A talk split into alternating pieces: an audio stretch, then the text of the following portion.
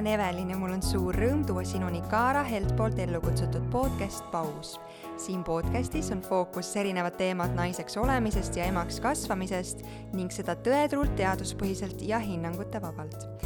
vestlen tänases saates Karitaga, kes on Tuula ja nagu saates välja tuleb, siis on oma teekonnal toeks olnud lugematul hulgal peredele ja toetanud naisi viiesaja kahel sünnitusel räägime saates sellest, kuidas Karita Tuulaametini üldse jõudis, räägime rasedusaegsest ja ka sünnitusjärgsest massaažist ning sellest, kuidas end naisena emaks kasvamiseks ette valmistada. head kuulamist!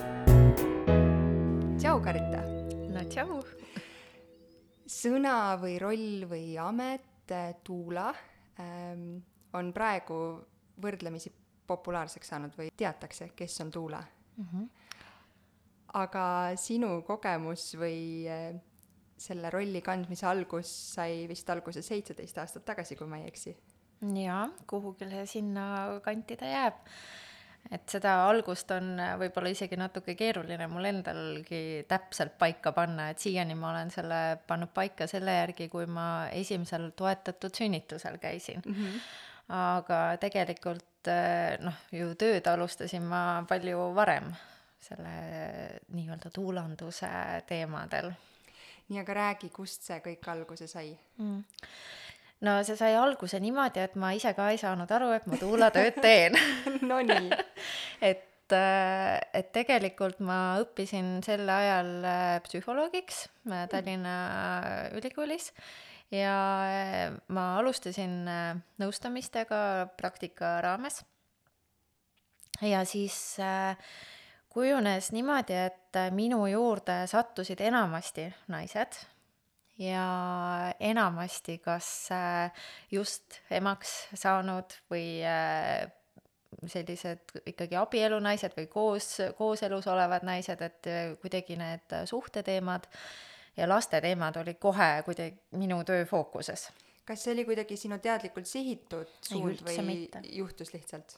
see täiesti lihtsalt kujunes nii, et äh, ega need praktika raames, ma ei olnud kuskil äh, niimoodi otseselt sel hetkel firmas äh, tööl, et ma olin suunatud ja, ja see kujuneski niimoodi, et lõpuks, äh, kui mul see praktika otsa sai, siis ma lihtsalt tegin edasi nende samade naistega tööd ja võtsin neid nii-öelda oma erapraksises, siis -hmm. lõin oma firma ja võtsin oma erapraksises neid vastu, sest nad äh, tundsid ennast minuga hästi ja et ilmselt said abi ja tahtsid -hmm. jätkata.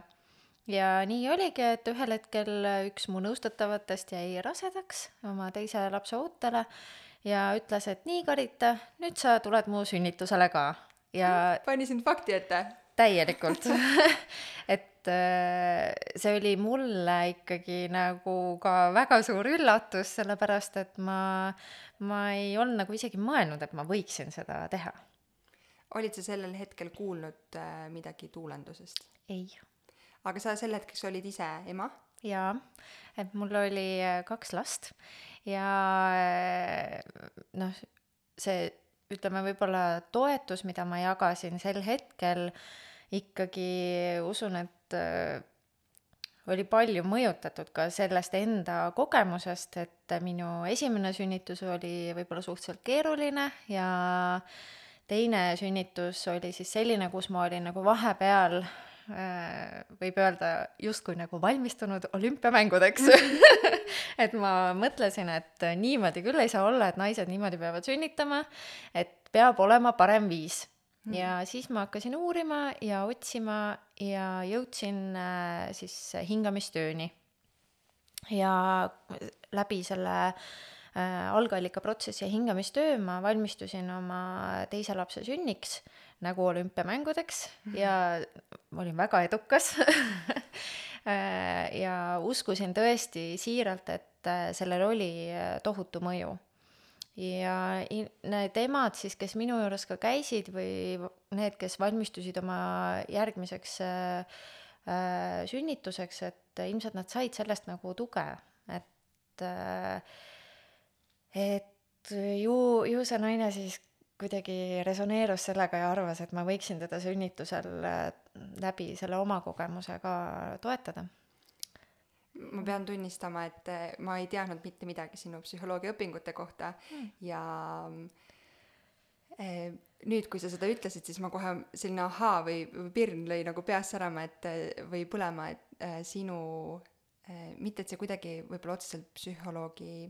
õpingutega seotud oleks, aga sinu seltskonnas või ruumis sinuga koos viibida on nagu hästi turvaline ja soe tunne ja ma ei oska seda kirjeldada ja me oleme käputäis hetki üldse koos ühes ruumis viibinud peale tänase, aga alati on hästi selline tervitatav ja hea tunne sinuga ühes ruumis viibida, ehk siis ma arvan, et sa võisid olla ka, jätta sellise mulje ja hea tunde juba sel hetkel teistesse, ehk siis mul ei tule üllatusena see, et see naine sind sünnitusele kutsus endaga no väga tore mul on hea meel, kui, kui inimesed ennast minuga koos niimoodi tunnevad, aga eelkõige hea meel, kui naised ennast minuga mm. nii koos tunnevad, sest ma tõesti, ma olen mõelnud nagu selle peale, et mis see on, mis mind hoiab tegelikult selle töö juures, siis see ongi armastus naiste vastu nii-öelda, selle töö ja rolli vastu, mida naised endas kannavad ja kõik need protsessid, mida naised oma elus äh, läbivad, et see on minu jaoks midagi sellist, mida ma nagu tõeliselt austan ja väärtustan. oleksid sa osanud äh, kas oma psühholoogiaõpingute alguses või, või lõpetades äh, ette kujutada, kust sa neid teadmisi kunagi rakendad või, või milline su elutee üldse saab olema, mis valdkonnas? ei, kindlasti mitte et äh, sel hetkel äh, ma võin siinkohal tegelikult rääkida, et miks ma üldse psühholoogiat läksin õppima. jah, hea meelega kuulen et äh, psühholoogiat ma läksin õppima tegelikult sellepärast, et kunagi üheteistkümnendas klassis olles äh, oli mul endal väga keeruline aeg, nagu enamus teismelistel üheteistkümnendas klassis kipub olema. ja juhtus nii, et äh, ma otsisin abi, ma äh, arvasin, et siin peab olema kindlasti keegi professionaal, kes oskab mind aidata selles kohas ja, ja nii ma siis äh, sattusin ühe, ma ei, ausalt öeldes ma ei mäleta, kust kaudu ma sinna sattusin, aga kellegi noortepsühholoogi juurde äh,. noh, mis oli muidugi tasuta ja ma ei uurinud tausta ja sel ajal ma ei oleks vist teadnudki, kus seda tausta uurida, aga igal juhul äh, kui ma siis ära rääkisin talle kõik, kuidas ma ennast tunnen ja mida ma mõtlen ja mis seisus ma omadega olen ja et mul on nagu tõesti abi vaja, siis tema vastus mulle oli see, et ähm, tõesti kõlab väga hullusti. ja see oli minu jaoks üks äh, väga oluline hetk, et olenemata sellest, et ma mõtlen, et see ei olnud parim asi, mida öelda ühele mhm. teismelisele ja tõesti, mul pärast seda oli selline tunne, et noh, kõik on läbi siis äh, see oli see, miks ma läksin psühholoogiat õppima, sest ma arvasin, et äh, ma oskan äkki midagi paremat vastata ja, ja see oli hästi suur tõuge mulle, nii et ma olen väga tänulik selle nagu kogemuse eest. nii et järjekordne näide sinu puhul samamoodi, et äh, oma tihtipeale sellised negatiivsed kogemused võivad viia mingite suuremate eluliste otsusteni mm -hmm. ja heade asjadeni lõpuks mm. -hmm. absoluutselt nii, aga kust see tee jätkus siis, ma saan aru, et sind paluti sünnitusele toeks ja, ja hingamispraktikad, mis sa õppisid? jaa, et noh, tegelikult pärast seda on mul endal nagu küll selline tunne, et ma justkui andsin ohjad elu kätte, sest et äh, kõik mu nõustatavad hakkasid järjest muudkui rasedaks jääma. Nii tore. Jaa, see oli tõesti väga tore ja noh, eks ma jagasin ka oma kogemust ja olin ise ka loomulikult väga elevil sellest ja nagu öeldakse, et suusõnaline reklaam on parim reklaam. ja niimoodi see kuidagi kasvama hakkas. loomulikult ei olnud mul nagu sellel hetkel õrna aimugi, et see on päriselt mingisugune eriala, mida mm, -hmm. mida nagu arendada või milles areneda või ma, mina pidasin ennast ikkagi nagu psühholoogiks, kes käib sünnitustel emotsionaalset tuge pakkumas mm. -hmm aga aga mida siis aeg edasi, eh, noh siis juba toimus ka tegelikult eh, Eestis eh, Üle Liivamäe sünnitoetajate koolitus, kus mina ei käinud, aga mina olin väga tihedalt seotud siis algallika kogukonnaga Pini Dansby õpetusega kust kaudu see hingamistöö ka tuli mm. -hmm. ja noh, seal see põhimõte ongi, on ju see, et sünnil on mõju et see, millisel viisil me kõik oleme sündinud, et see mõjutab äh, meid tegelikult terve elu, et see on meie esimene füüsiline äh, nii intensiivne kogemus maailmas, maailma kohta ja see, mismoodi äh, meie ema on sellel hetkel, mismoodi me ise seda tajume, mismoodi meid vastu võetakse, millised on need esimesed hetked peale sündi, et see justkui jätab nagu sellise templi valgele lehele. et see on nii-öelda see maailm, kuhu me tuleme. ja see kõik salvestub meie kehasse ja noh, ütleme kõige lihtsamalt on aru saada sellest niimoodi, et kindlasti sa ka ja mina ka aeg-ajalt tunneme, et jälle ma olen selles olukorras, ma olen juba selles olukorras olnud. et mis siin toimub, et on täiesti justkui uus aeg, uued inimesed võib-olla, aga ikka ma tunnen ennast jälle nii, mhm. on ju. et need ongi need baasmustrid, mis meie sees on, et äh, et need baasmustrid panevad meid liikuma sarnastesse kogemustesse kogu aeg elus, on ju. kuni me hakkame teadvustama ja aru saama, et aa, et ma ise loon seda endale tegelikult hmm. ja siis äh, algallikaprotsessi hingamistöö äh, meetod usub, et, äh, et see kõik pärineb siis äh, sellest ajast, kui veel me olime ema kõhus äh, aga juba teadlikud, juba kuulasime, juba on ju tajusime seda maailma. Äh, ja noh, eelkõige tajusime ema, on ju, mismoodi tema on. aga siis loomulikult sünnitus, et, äh, et millisena me seda vastu võtsime, kui suurt muutust tegelikult. Äh, ja siis neid esimesi hetki peale sünnitust. ja noh, loomulikult ka varajane lapsepõlv mängib suurt rolli, et see nagu kinnistab kogu seda kogemust kas see oli miski, mida sa mõtlesid oma esimese kahe lapse sünnil? Mm,? Äh, tegelikult äh, esimese sünn-, noh, esimese sünni juures kindlasti mitte midagi ma sellist ei mõelnud, sest ma ei teadnudki midagi mhm. sellest, et ma olin väga noor, ma olin üheksateist, kui ma esimese lapse sünnitasin. Ja minule oli sel hetkel põhiline nagu see, et äh, mis see siis on, kõik naised sünnitavad, ma saan ka hakkama et pole siin midagi, ma veel näitan teile, kui kõva naine ma olen. Ma olen siin täiega sünnitanud. Aga, ja muidugi ma sünnitasingi, ma sünnitasin väga hästi. niimoodi, et isegi ämmaemand ütles, oh sa vaata, milline naine on ju, niimoodi pressib. Aga see oli kõik nagu noh, see sihuke sooritamine või, või läbi siukse mingi tungi, et seal ei olnud nagu nii väga seda tundmist ja kohalolu või seda tunnetki, et ma olen näiteks toetatud selles. et seal oli hästi sügav mõte, et ma pean seda üksi tegema. ja, ja noh, mis on oluline selle juures, nagu okei okay,, see ei ole midagi, ma ju sünnitasin ja laps sündis ja kõik on hästi, on ju. aga oluline on see ikkagi, mis mälestus sellest jääb. et see mälestus ju jääb minuga elu lõpuni, on ju.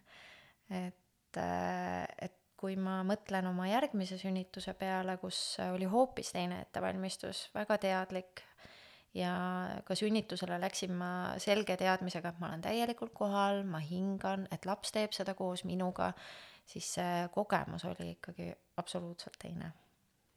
kuidas kirjeldada, ükskõik, kas see on sünnitus või mis tahes muu selline eluline protsess või hetk, kuidas kirjeldada seda tunnet, et sa oled kohal võib-olla keegi, kes ei oska ennast mm -hmm. kõrvalt vaadata või analüüsida oma mõttemustreid mm, -hmm. mis, mis see tähendab kohal olla mm? -hmm. No mina kirjeldan seda kohalolu sellisena, et äh, ma olen äh, teadlik sellest, mis toimub just praegusel hetkel. et kuidas ma ennast tunnen oma kehas, millised emotsioonid mul on, millised mõtted mu peas on, et ma märkan seda kõike ja ma teen teadlikke valikuid. et äh, tihtipeale me ju elus ka toimime, on ju, et me lähme läbi oma päeva ja õhtul ütleme, et issand, et kuhu see päev kadus, on ju. siis ei saa väga öelda, et sa väga kohal olid kui, kui on selline tunne, et seda päeva justkui polekski olnud, sa lihtsalt automaatselt tegid mingeid asju, on ju, tegid hommikusöögi, läksid tööle, sõitsid autoga ta-ta-ta, kõik see varu, on ju. aga kui sa oled kohal siis äh, minu jaoks on nagu investeerimine sellesse hetkesse, on ju, et ma võtan sellest hetkest kõik selle, mis seal parajasti on, et ma märkan seda ilu, vahest märkan ka seda valu, aga et ma, ma tõesti nagu omastan selle hetke. sa teed seda ilmselt väga teadlikult ja see kindlasti jääb kuidagi ka sellisesse mm, igapäevasesse toimetusse sisse, seda mm -hmm. kohalolu osata näha ja nautida ja olla selles, aga kui tihti sina ennast näiteks ära kaotad, et mõtledki, et ah, nii kiire päev oli? oo, pidevalt et minu meelest Buda vist on öelnud, et oo, kui sa suudad päevas kolm minutit täielikult kohal olla, siis sa oled täitsa meister. et, et ma ei arva üldse, et mina või et üldse peakski olema nagu niimoodi, et sa oled kogu aeg täielikult haaratud sellest hetkest, et on täitsa okei okay ka lasta minna. Aga eks need ärakadumised, ma arvan, enamasti tulevad ikkagi siis, kui on äh, hästi kiire kui tempo on hästi kiire ja ei oska ennast selles tempos kuidagi nagu aeglustada. et minu jaoks näiteks üks äh, suurimaid õppetunde kiirenduses aeglustada oli siis, kui mul kolmas laps sündis väga-väga kiiresti ja minul oli hästi suur soov, et ma jõuaksin seda sünnitust nautida et, et siis, kui tema nii tempokalt tuli, siis oli sihuke tunne, et aga ma ei saa ju, kuidas ma siin nüüd naudin ja ma ei jõudnud isegi küünlaid põlema panna ega midagi ja seal sünnitusvannis oli liiga vähe vett ja kõik, kõik asjad, on ju. aga, aga tegelikult äh, noh, see oskus kohale tulla sellel hetkel ongi äh, see oskus valida nagu see fookus teis-, teise kohta viia, et mitte sellele, et mis kõik valesti on, vaid näiteks tuua oma kehale, aga kuidas ma ennast oma kehas tunnen praegu. ja, ja nii, kui sa tood fookuse oma kehale, ükskõik mida sa teed, siis tegelikult sa tuledki rohkem kohale. üldse ei planeerinud täna millestki sellisest rääkida, aga see mõte kuidagi viis sinnani, kui sa oled ju viibinud nüüd päris mitmete sünnituste juures no,, eks ole? üsna jah ja.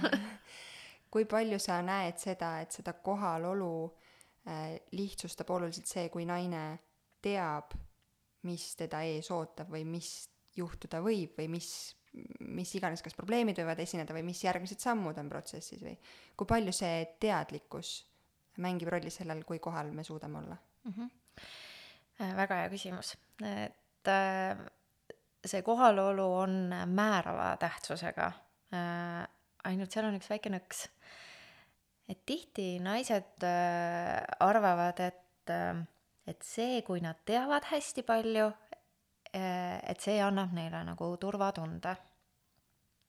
ühest küljest see annabki, aga see annab turvatunde ainult siis, kui sa oled selle info, mida sa tead, enda omaks teinud. et sa töötad selle nagu päriselt läbi, sest sünnituseks ei ole võimalik valmistuda niimoodi, et ma õpin selgeks lihtsalt mingid asjad et sünnituseks sa valmistad niimoodi, et sa tunned, et sa saad seda kõike rakendada. see, sellepärast ma ütlen ka, et ma valmistusin oma sünnituseks nagu olümpiamängudeks mm.. et see ei ole niimoodi, et ma mõtlen, et aa, okei okay,, ma jään siin koduseks, on ju, et siis ma hakkan noh, tegema mingeid asju.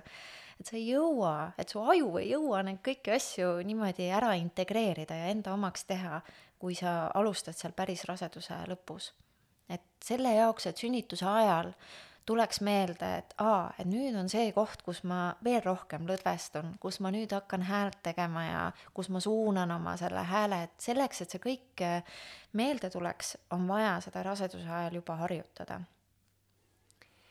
kas see on eh, miski, mis jääb lihas mällu, ma saan aru, et seetõttu äh, jaa, just et noh, nii nagu elus kõikide asjadega on, on ju tegelikult, et kui sa tahad mingit uut oskust või sellist rutiini omandada, on ju, sa pead seda piisavalt palju tegema selle jaoks, et see hakkaks ise tulema.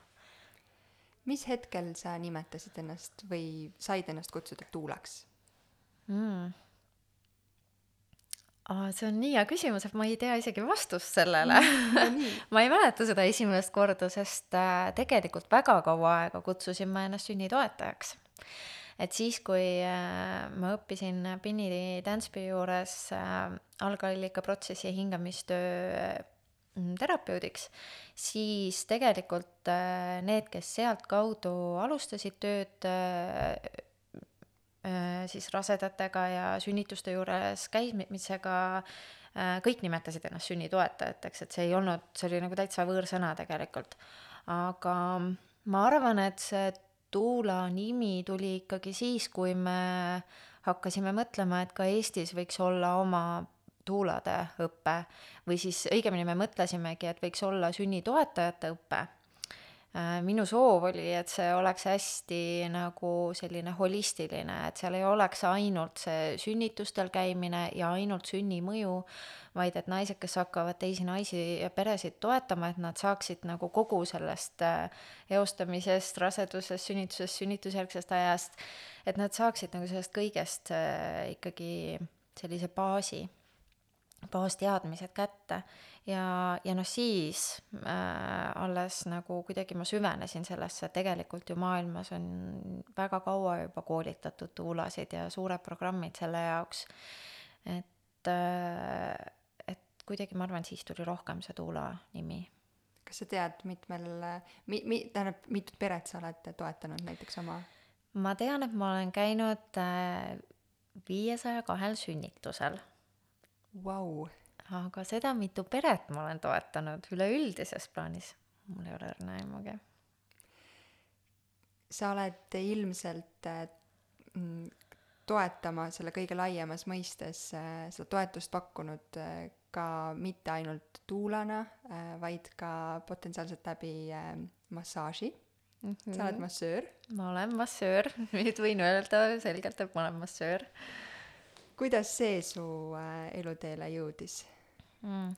see jõudis niimoodi, et äh, ega tegelikult ju tuulana ma ju masseerin kogu aeg et äh, kui ma sünnitusel olen, siis ma väga palju tegelen naise masseerimisega ja ka hiljem äh, beebid ma olen masseerinud ammu enne, kui ma üldse läksin massaaži õppima. ma olin õppinud küll konkreetselt beebide massaaži mm. -hmm aga see, et ma tahaksin, et see massaaž oleks üks osa minu tööst, see on olnud väga-väga kaua minuga, et tõesti, ma arvan isegi juba sel ajal, kui ma läksin psühholoogiks õppima, siis ma noh, ka mõtlesin, et tegelikult ma võiksin ka massöörina töötada. Ähm, aga siis juhtuski nii, et ma hakkasin nendel sünnitustel käima ja see elu läks sedapidi. Ja oli äh, periood minu elus, kus ma käisin nädalas kahel sünnitusel, äh, mis tähendas seda, et ma tegin päeval tööd, öösel võib-olla olin sünnitusel, päeval jälle töö et, äh, et noh, see ei tundunud reaalne, et ma jaksan veel nagu midagi nii suurt ette võtta. ja, ja siis, kui tuli eriolukord mm -hmm. Eesti riiki, siis ju juhtus sellega koos ka see, et äh, haiglad äh, ütlesid, et äh, tuulad ei saa enam tulla ja väga suur osa minu tööst peatus. ja seetõttu ma hakkasin palju vähem käima sünnitustel, kuna enamus minu tööst sinnamaani oli olnud haiglasünnitused mm, -hmm. mitte kodusünnitused.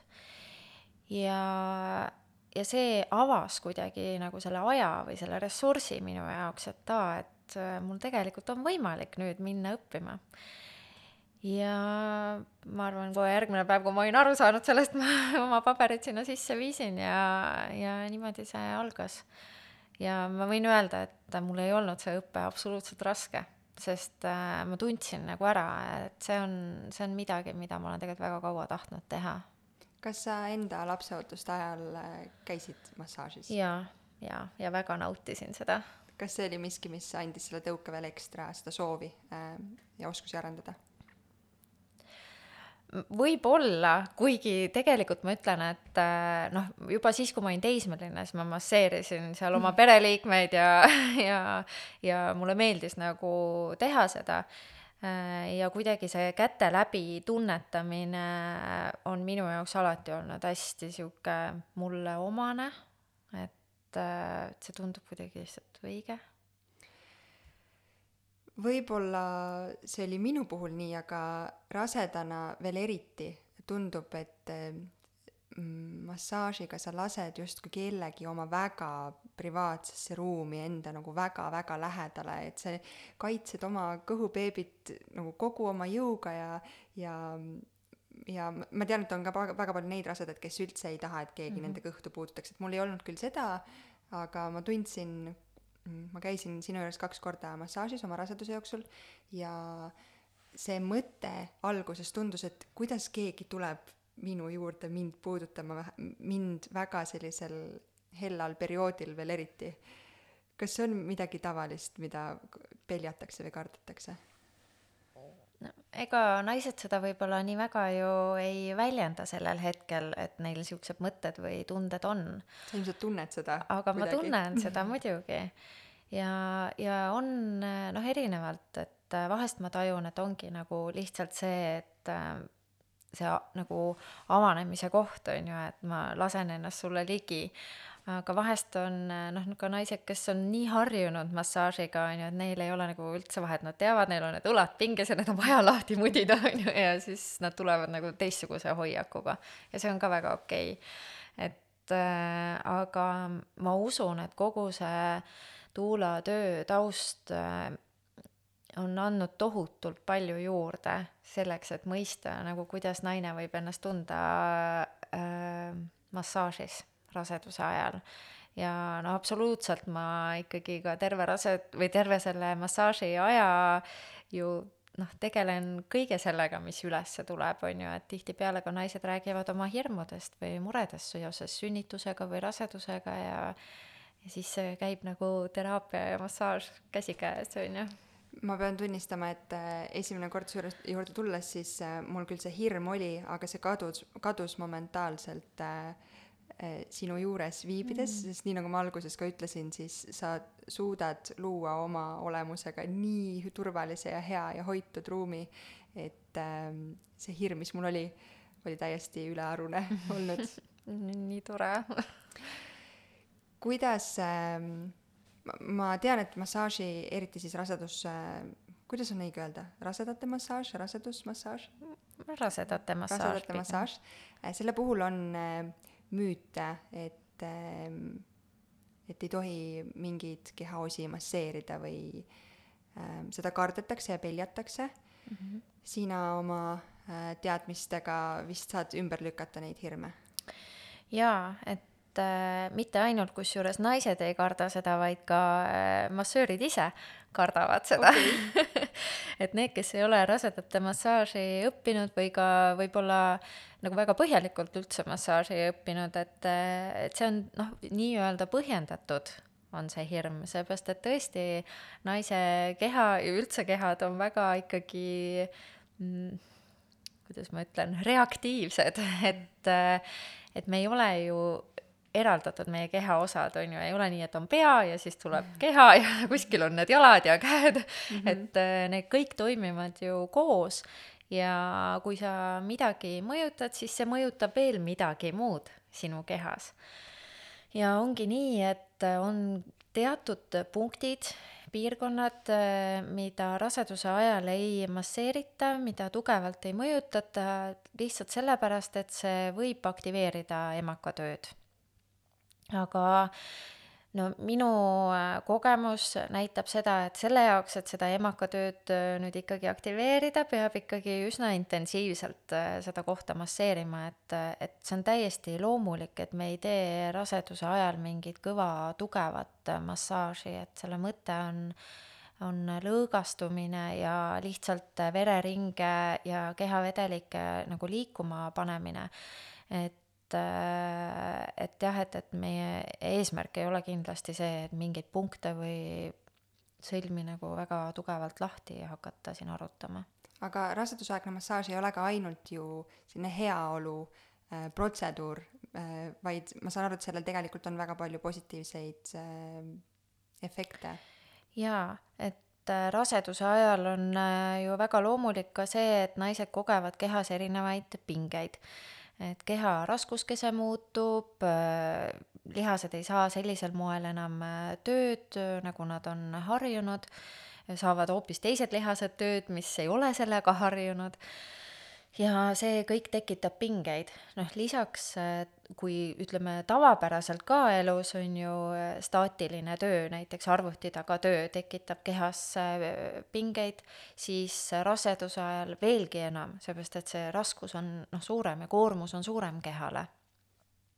Ja noh, kui palju me ikka võtame neid aktiivseid pause, liikumispause, et mm. isegi kui pausi võtame, siis ka oleme nagu kas mingis ühes asendis või kuskil, kuskil diivaninurgas rullime ennast teise poole, et, et noh, et, et tegelikult äh, me ei anna oma kehale nagu sellist äh, liikumist võib-olla nagu ta vajaks pidevalt ja, ja siis see kõik koguneb meie kehasse ja siis me lähme õhtul magama ja keha on jälle staatilises asendis tegelikult ja, ja vereringe halveneb, see, need lihased lähevad veelgi rohkem pingesse ja siis tekivadki igasugused sümptomid, on ju, et noh, kas äh, kuskil ongi see lihas hästi nagu üleval tursunud või on jalakrambid, on ju, või käed surevad ära või noh, mis iganes, et äh, et seal on palju asju, mis võivad raseduse ajal tekkida, neid vaevusi, et et, et massaaž aitab kõikide nende osas. Tegelikult, et ta panebki, ta paneb vere liikuma,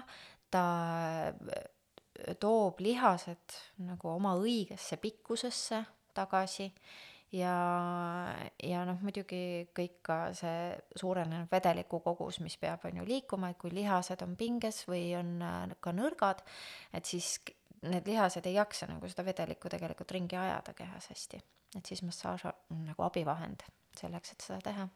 ma ei tea, kas see on minu mingisugune kiiks, aga ma tihtipeale tunnen äh, hirmu mingite asjade ees, kui äh, mul puudub teadmine või kontroll, et kuidas need asjad käivad või mm, -hmm. või mis selles protsessis mind ees ootab ähm,.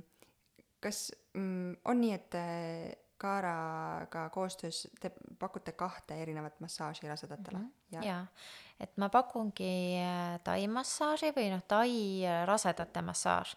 Äh, see on siis selline massaaž, mis toimub maas mati peal. kliendil on seljas riided, kas retuusid ja mingi õhukepluus ja ta on keskendunud rohkem nagu vajutustele ja venitustele ja noh, tegelikult efekt on suhteliselt sama, on ju, et lihtsalt see meetod on äh, teine. ja tihti naised valivad äh, selle just sellepärast, et see tundub nagu natukene selline, et noh, ma nii lähedale ei lase nagu, et, et mingi kiht on nii-öelda vahel, on ju. Aga siis teine, teine massaažiliik on äh, siis rasedate äh, Äh, õlimassaaž ja see on klassikalisele massaažile sarnane, et ta on laua peal äh, paljale nahale õliga ja naine on siis äh, külje peal, et mina selili ei pane kunagi, ükskõik kui suur või väike see rasedus on, sest aeg on ikkagi suhteliselt pikk ja noh, surve mida suurenenud emakas äh, tekitab sinna õõnesveenile, et see võib ikkagi juba lihtsalt enesetunnet nagu halvendada. et siis äh, alati külje peal ja kaisus on selline mõnus padi, kuhu saab oma jala toetada niimoodi, et see asend oleks võimalikult äh, mugav ja, ja siis ongi nagu klassikaline massaaž, aga noh, pehme põhjus, miks ma selle hirmu äh, ootamatuse või nagu ees äh, sisse tõin, ongi see, et, et kui, kui sa nagu tahad kuhugi minna, aga sa ei tea, et kas sa pead ennast paljaks võtma või kuidas ma nüüd pean istuma või astuma või mida tegema, et siis see või mõnikord võib-olla jäetakse selle pärast juba ainuüksi tulemata, et äh, see oli väga hea, et sa tõid välja need erinevad äh, siis mhm. massaažitüübid ja see, et esimene äh, on siis riietega ehk äh, retuusid või või bluus seljas ja bluus ja teine on natukene lähemal nahale. Yeah.. mille järgi peaks äh, otsustama esiteks, kas tulla äh, massaaži, millal tulla ja kumba massaaži tulla see toob mind tagasi selle juurde, et ma tahtsin veel väljendada, et kui isegi, kui massaaž ei ole ainult heaolumassaaž mm, -hmm. et siis äh, tegelikult on äh, väga palju uuringuid tehtud selles osas, et kuidas massaaž aitab leevendada ka näiteks depressiooni ja ärevushäireid. et on tehtud suuri uuringuid sellega seoses ja märgatud näiteks, et siis kaks võrdlevat gruppi, on ju, et sellel grupil, kes äh, võttis äh, antidepressante ja see, kes sai äh, kakskümmend minutit äh, üle päeva massaaži, niisugust kerget, kaheteist nädala jooksul, et see tulemus oli neil sama. Vau. jaa. nii et ma arvan, et see on juba üsna nagu mõjuv põhjus, miks ikkagi endale seda heaolu asja lubada, on ju, mhm. et see päriselt ka tekitab heaolu, mhm. on ju aga, aga mille järgi valida, üks on noh, pigem võib-olla lihtsalt eelistus, et kui sa oled varem käinud äh, taimassaažis ja see on sulle väga meeldinud, siis see on üks äh, põhjus, miks tulla rasedate taimassaaži või kui sa oled käinud õlimassaažis, harjunud sellega, siis äh, eelista seda ja ongi hästi.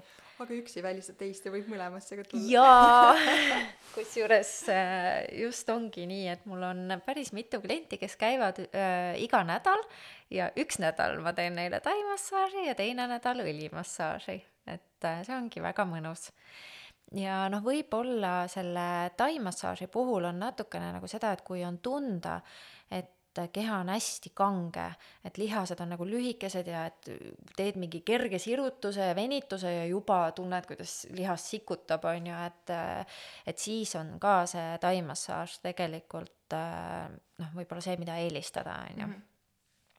õlimassaažid tuleb kindlasti tulla siis, kui sul on puudutuse nälg.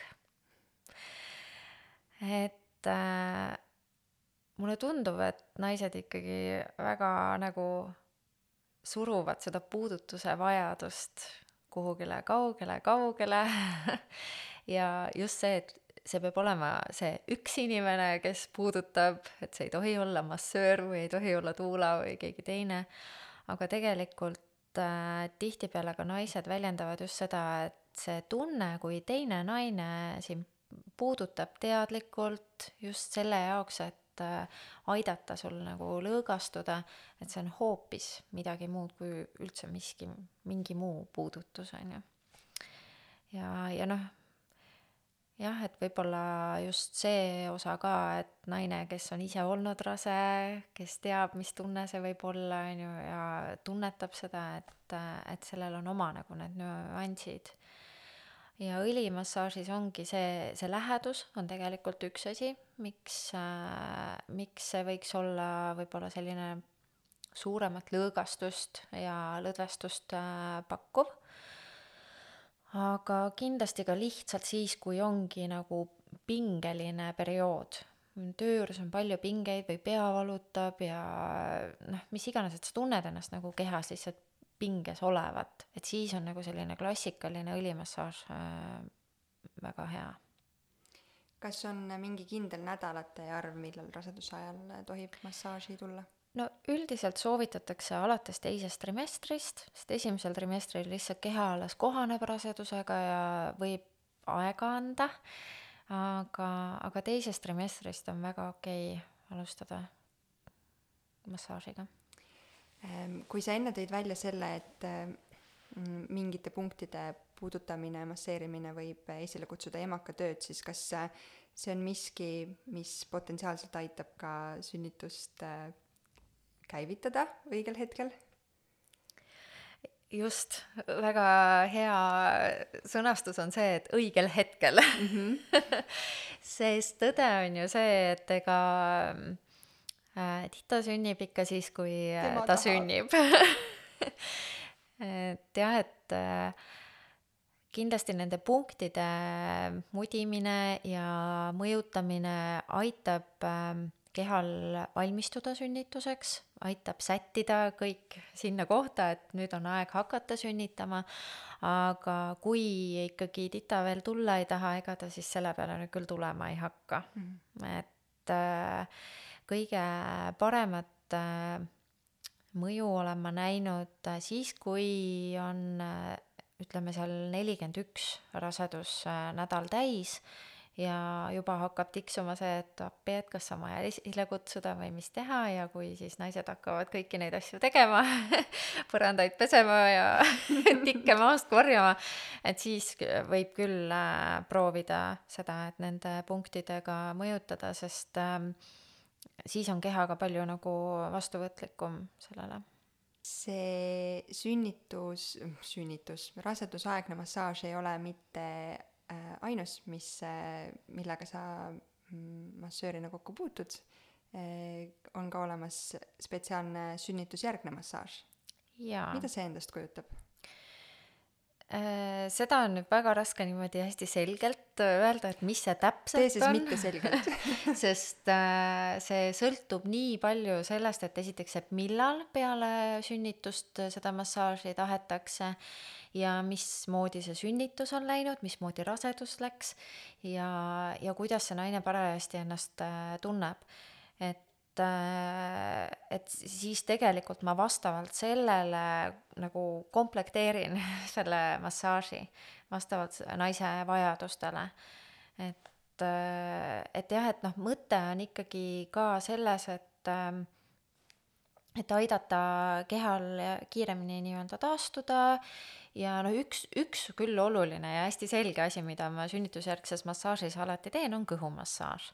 et Äh, just selle jaoks, et ergutada ka kõhupiirkonnas vereringet, et teatavasti raseduse ajal on ju kõik meie seedelundkond äh, surutakse natukene külgede peale, et siis aidata seda natukene seal tagasi lükata, on ju, ja ja jah, ja kõike seedimist, seedimisele kaasa aidata. et, äh, et see on üks kindel asi, mida ma teen. aga nüüd äh, naised, kes kas on oma lapseootuse lõpusirgel või, või on sünnitanud äsja või natukene rohkem aega tagasi, millal on nagu sinu soovituslik hetk pöörduda, kui see huvitab äh, massaaži mm? -hmm. sünnitusjärgsesse massaaži yeah. tasuks äh, pöörduda siis, kui märkad esimesi ilminguid sellest, et no näiteks õlad valutavad, et tavaliselt see on üsna niisugune esimene asi, mida naised sünnitusjärgselt märkavad, just sellepärast, et kõik see imetamise asend, see, et laps on süles, pidevalt vaatad mm -hmm. teda, on ju, ja kõik siit see turi on pinges, võib-olla ka magad mingites natuke imelikes asendites, on ju, et öösel imetad ja jääd kuidagi sinna halba asendisse ongi korras, on ju, et need pinged äh, siia turja piirkonda kogunevad üsna kiiresti. ja see on esimene asi, mille pärast võiks pöörduda. et tegelikult sünnitusjärgselt ei pea üldse mõtlema, et, et kui ma pöördun, et siis tingimata ma pean saama terve keha massaaži. et vabalt võib teha ka ainult seljale, ainult turjale, peale, kaelale, kätele, randmed hakkavad valutama tihti, on ju, et, äh, et äh, võib ka täiesti valida nagu seda piirkonda, mida masseerida kas on äh, mingi aeg, millest on liiga hilja äh, alates pöörduda sünnitusjärgsesse massaaži? no otseselt ei ole, sest siis lihtsalt me teeme nagu tavalist massaaži mm, -hmm. on ju, et äh, massaaži on iga hetk hea pöörduda. nii et võib sinu juurde tulla ka siis, kui on sünnitusest juba natuke rohkem aega möödas? jaa, palun kui ähm, sa vaatad täna tagasi kogu sellele teele, kus, mis sa täna äh, naiste, naisi ja nende peresid toetades oled käinud, siis äh, milline kas oskus või hetk või, mingi protsess, mille juures sa oled olnud, mille üle sa kõige rohkem uhkust tunned? kõige üle sellele on nii raske vastata. oled sa uhke selle üle, mis sa täna teed äh,? jaa. kiidad sa ennast selle eest, kui palju sa oled äh, vaeva näinud selle kõige nimel? Um,. liiga vähe. Ma ei saa nüüd küll öelda, et ma tegeleks aktiivselt enesekiitmisega. Miks ma selle, võib-olla see küsimus üldse kõlab äh, kuidagi kummaliselt või, või jaburalt, aga ma lihtsalt näen ja tunnen, et äh, naised kuidagi võtavad äh, enda tunnustamiseks liiga vähe hetki, hetkesid või hetki ja, ma tahaks, et, et keegi on eeskujuks äh, teistele äh, ennast rohkem tunnustama ja kiitma. aitäh. ma, ma, kui ma mõtlen sellele tööle, mis on olnud ja kogu sellele teekonnale, siis äh, eelkõige, mida ma tunnen, on tegelikult tänutunne, et mitte ainult oma klientidele, oma perele, kõigile, kes on olnud osalised selles, vaid ka iseendale. et äh, et ma ei, jah, ei saa öelda, et ma tunnustaksin ennast, ma tunnustan ka, sest noh, tõesti on ikka palju tehtud. aga, aga ma arvan, olulisem on jah see, et ma olen lihtsalt endale tänulik, et ma olen jätkanud. sest ega see on selline töö, et ähm, noh, on ikka lihtne läbi põleda.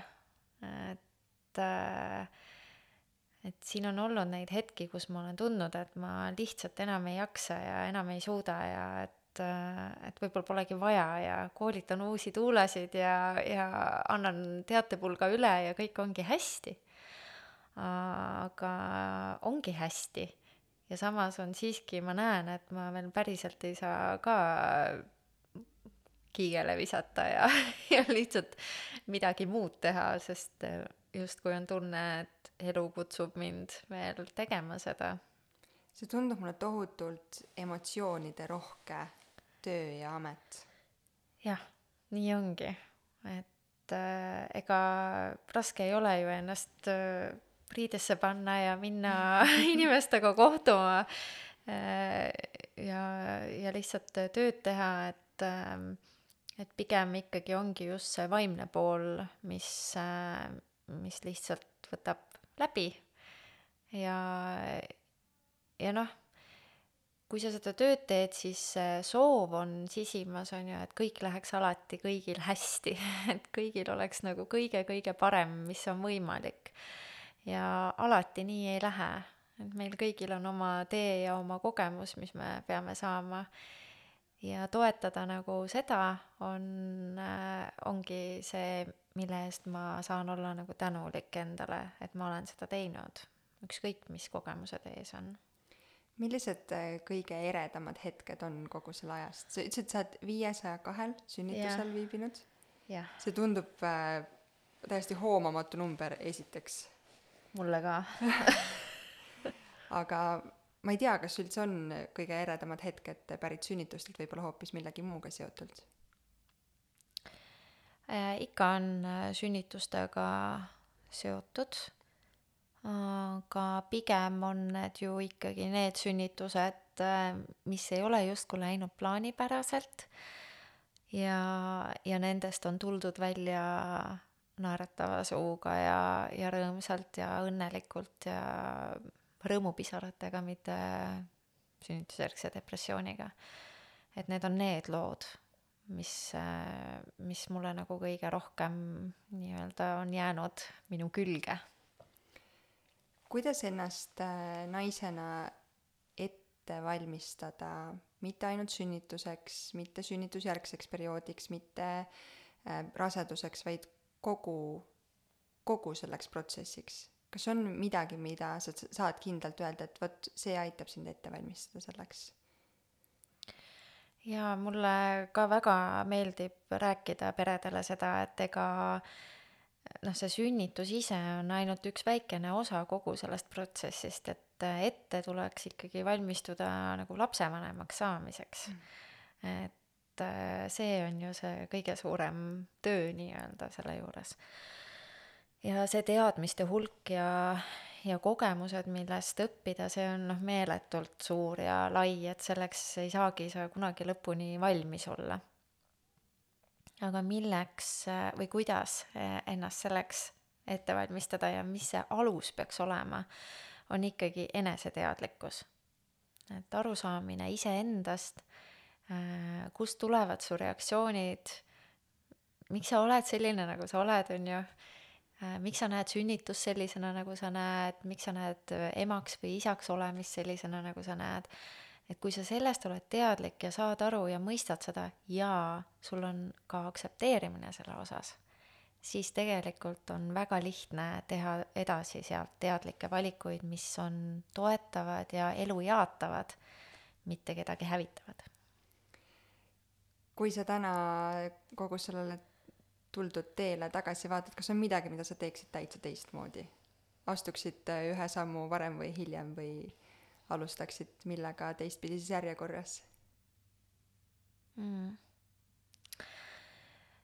Ähm, see on umbes samamoodi, nagu naised ütlevad mulle siis, kui nad minuni jõuavad, on ju, ja valmistuvad sünnituseks ja kui me räägime sellest, et mis sünnitust mõjutab ja kuidas, kuidas nagu valmistuda, et siis nad ütlevad, ah, oleks ma seda juba teadnud oma esimese sünnituse eel. ja siis ma ikka räägin seda, et aga, et sa ei saanud seda teada, sest sul oli seda kogemust vaja just sellisena, nagu see oli ja, ja just nii äh, nagu selle tarkuse ja teadmiste juures, mis sul sel hetkel olid, sa tegidki oma parima tegelikult. Ja ma usun ka sellesse, et ma tegelikult olen oma parima teinud vastavalt nendele teadmistele, oskustele, omadustele, mis mul nendel hetkedel on olnud äh,. muidugi, ma teeksin päris palju asju teisiti, et äh, üks olulisemaid asju äh, minu jaoks on olnud alati koostöö meditsiinipersonaliga ja ma arvan, et selles osas oleks saanud noh, teha midagi, et see oleks palju sujuvam täna. sa täna töötad koos Kaaraga. miks sa oled äh, otsustanud oma jõud ühendada just Kaaraga äh,?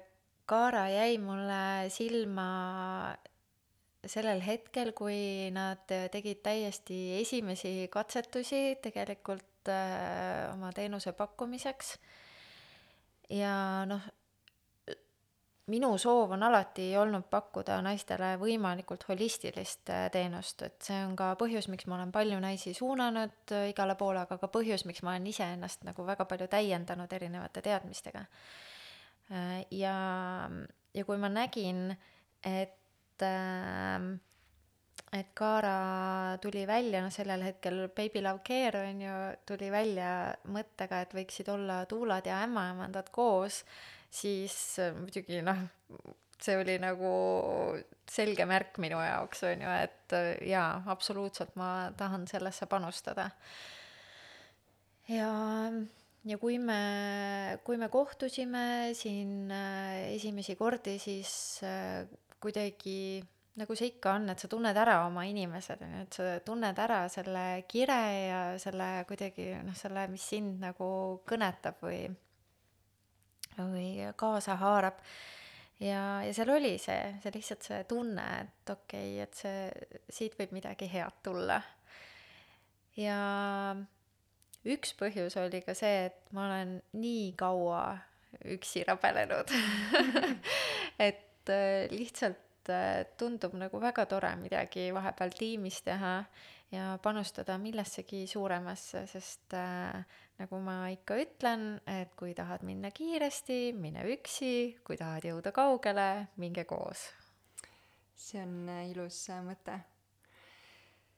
kui äh, ma tulen korraks massaaži juurde tagasi, siis kui oluliseks äh, sina üldse pead äh, ma tean, et see, mis sa teed, on suurepärane ja sa teed seda kogu oma hinge ja südame ja, ja kõikide teadmistega, mida sa oled omandanud, aga kui oluline on see keskkond, kus see rase naine või, või äsja sünnitanud naine seda massaaži saab? no see on, minu jaoks on see ääretult oluline, et äh et see keskkond tegelikult üleüldse mõjutab meid nagu väga suures plaanis, on ju, ja rasedana eriti ja ka sünnitusjärgselt naine on nagu sellises seisundis, kus tal sisuliselt kõik tunded on kogu aeg püsti, et et, et nii kui selles keskkonnas on midagi, mis tegelikult ei ole täpselt sobiv, siis see naine tajub seda väga tugevalt ja see võib saada suureks takistuseks selleks, et täielikult lõõgastuda. Et selles mõttes on see keskkond väga-väga oluline. üks asi veel, mis ma tahan enne saate lõppu siin puudutada ja see tuli sellest, kuidas sa ütlesid, et miks Kaara sind võlus see, et ämmaemandad ja tuuled võivad koos töötada see on äh, ka miski, mis äh, me püüame nende podcast'ide saadetega mm, võib-olla tuua naisteni, äh, on see tasakaalu leidmine erinevate mõttemustrite, maailmade, uskumuste vahel. ma, ma saan aru, et sinu jaoks see tasakaal on hästi oluline.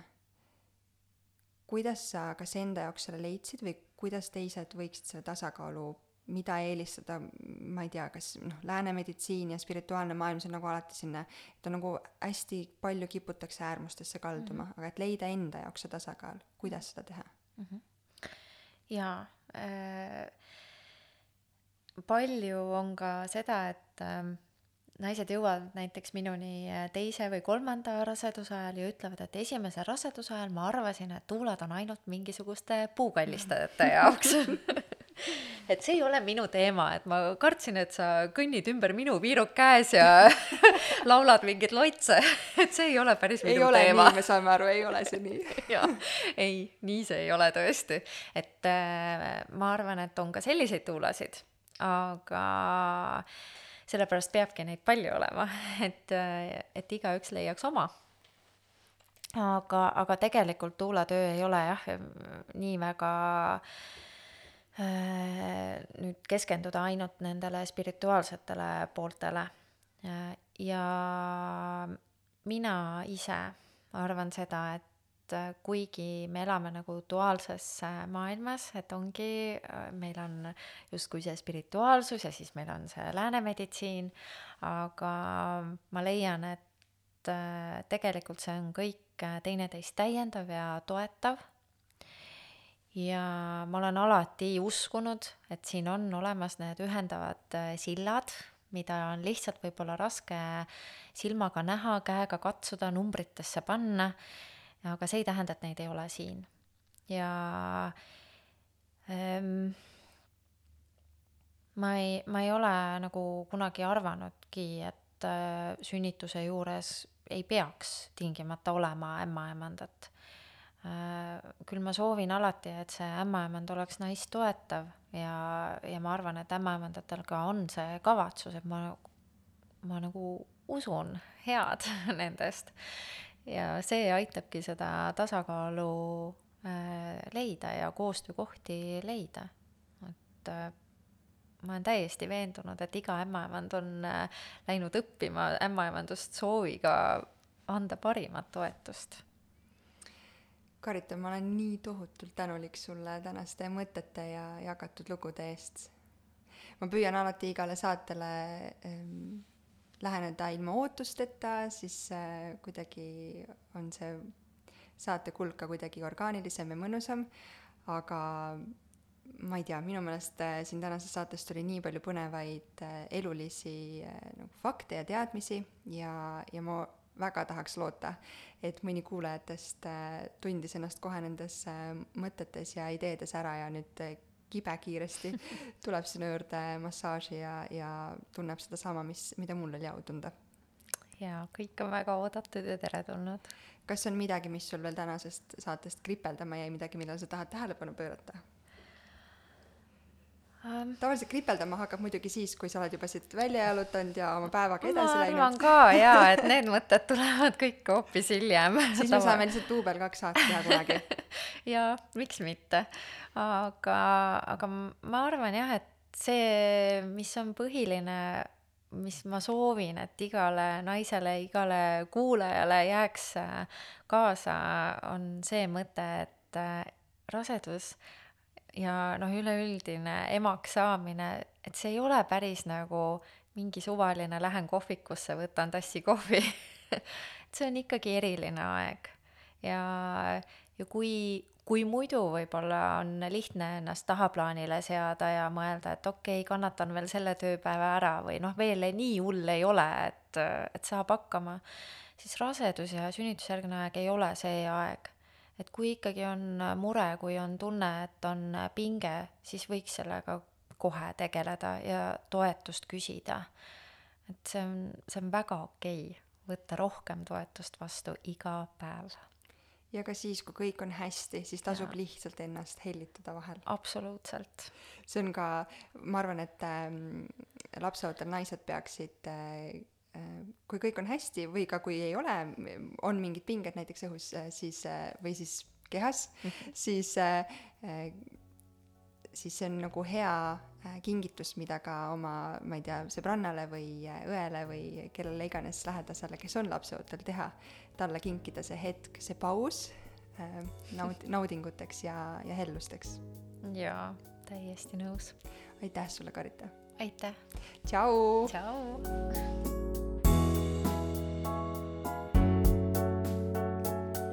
Saate toob sinuni Kaara, naiste tervise ja heaolu edendaja rasedus- ning emadusperioodil. vaata lähemalt karahealth.io